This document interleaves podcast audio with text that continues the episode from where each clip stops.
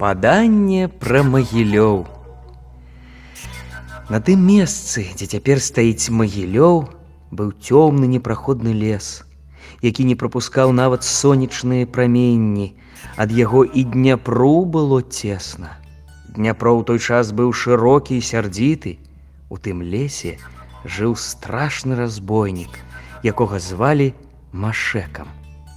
У яго была такая вялікая сіла, што ён адною рукою спыняў экіпаж з васьмярыком коней на ўсім скаку, ухапіўшыся за кола. Адным разам вырываў з карэннямі высокія сосны. Хадзіў ён у мадзведжай шкуры поўсцю ўверх. Не такі тады быў народ, як цяпер. Шмат было асілкаў, але ўсе дрыжалі перад машекам. Нават пяць дзясяткаў нічога не маглі зрабіць супраць аднаго. Машека наводзіў жах на ўсе навакольныя селішчы. Нягледзячы на тое, што людзі жылі тады э, вялікімі сёламі, Ён, не баючыся, праходзіў у кожнае сяло і браў, што яму было трэба. Усюды самі адчынялі яму вароты, абы толькі пакінуў душу ў целе. Не раз выходзілі супраць машэкі цэлымі палкамі, але ён жыў у такой непраходнай пушчы, што ніхто не знаходзіў не толькі яго бярлогі, але і дарогі назад. І ўсе або паміралі з голаду, або гінулі ад удару разбойніка. Але і на машэку прыйшла пагібель. Чаго не змаглі зрабіць сотні людзей, тое зрабіла адна жанчына. Раз па дарозе праз лес ехала плеценая брычка, запрэжаная васьмярыком коней. У ёй сядзеў малады мужчына з прыгажуняй жанчынай.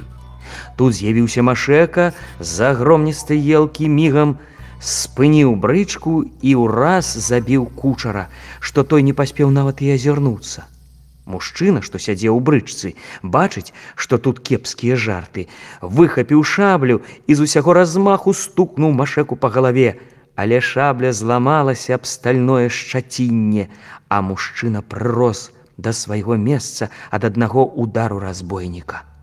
Глянуўшы на жанчыну, машека стаў як укопаны. Ён пазнаў ёй сваю знаёмую. Гэта яна, адхіліўшы яго любоў, прымусіла машеку пасябраваць з буйным ветрам.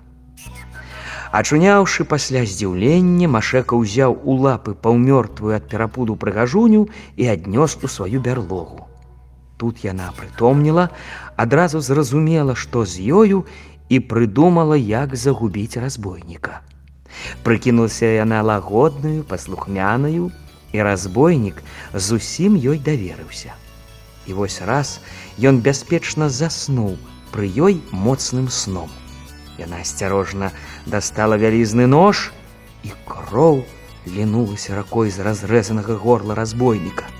Учыніўшы гэтак, прыгажуня неяк выйшла на дарогу, прайшла да сваіх і паказала ім праклятае месца, дзе з вялікай знявагай закапалі таго людаеда і назвалі тое месца магілаю льва. Недалёка ад таго месца знайшлі высокі бугор ці гару, якая была аблітая крывёю і усыпана касцямі нявінных ахвяр зверстваў машэкі. Гэтая гара і цяпер называецца машэкаўкай ці машакоўкай. На ёй гарадскія могілкі. Пасля машэкі тут жыло яшчэ многа разбойнікаў. Мясцовыя ўлады гэтае месца прызначылі для ссылкі злачынцаў. Сыльныя памалу высеклі лес і прагналі разбойнікаў. Пазней на гэтым месцы заснавалі горад, які ад магіл забітых разбойнікамі людзей ці ад магілы льва машэкі названы магілёвым.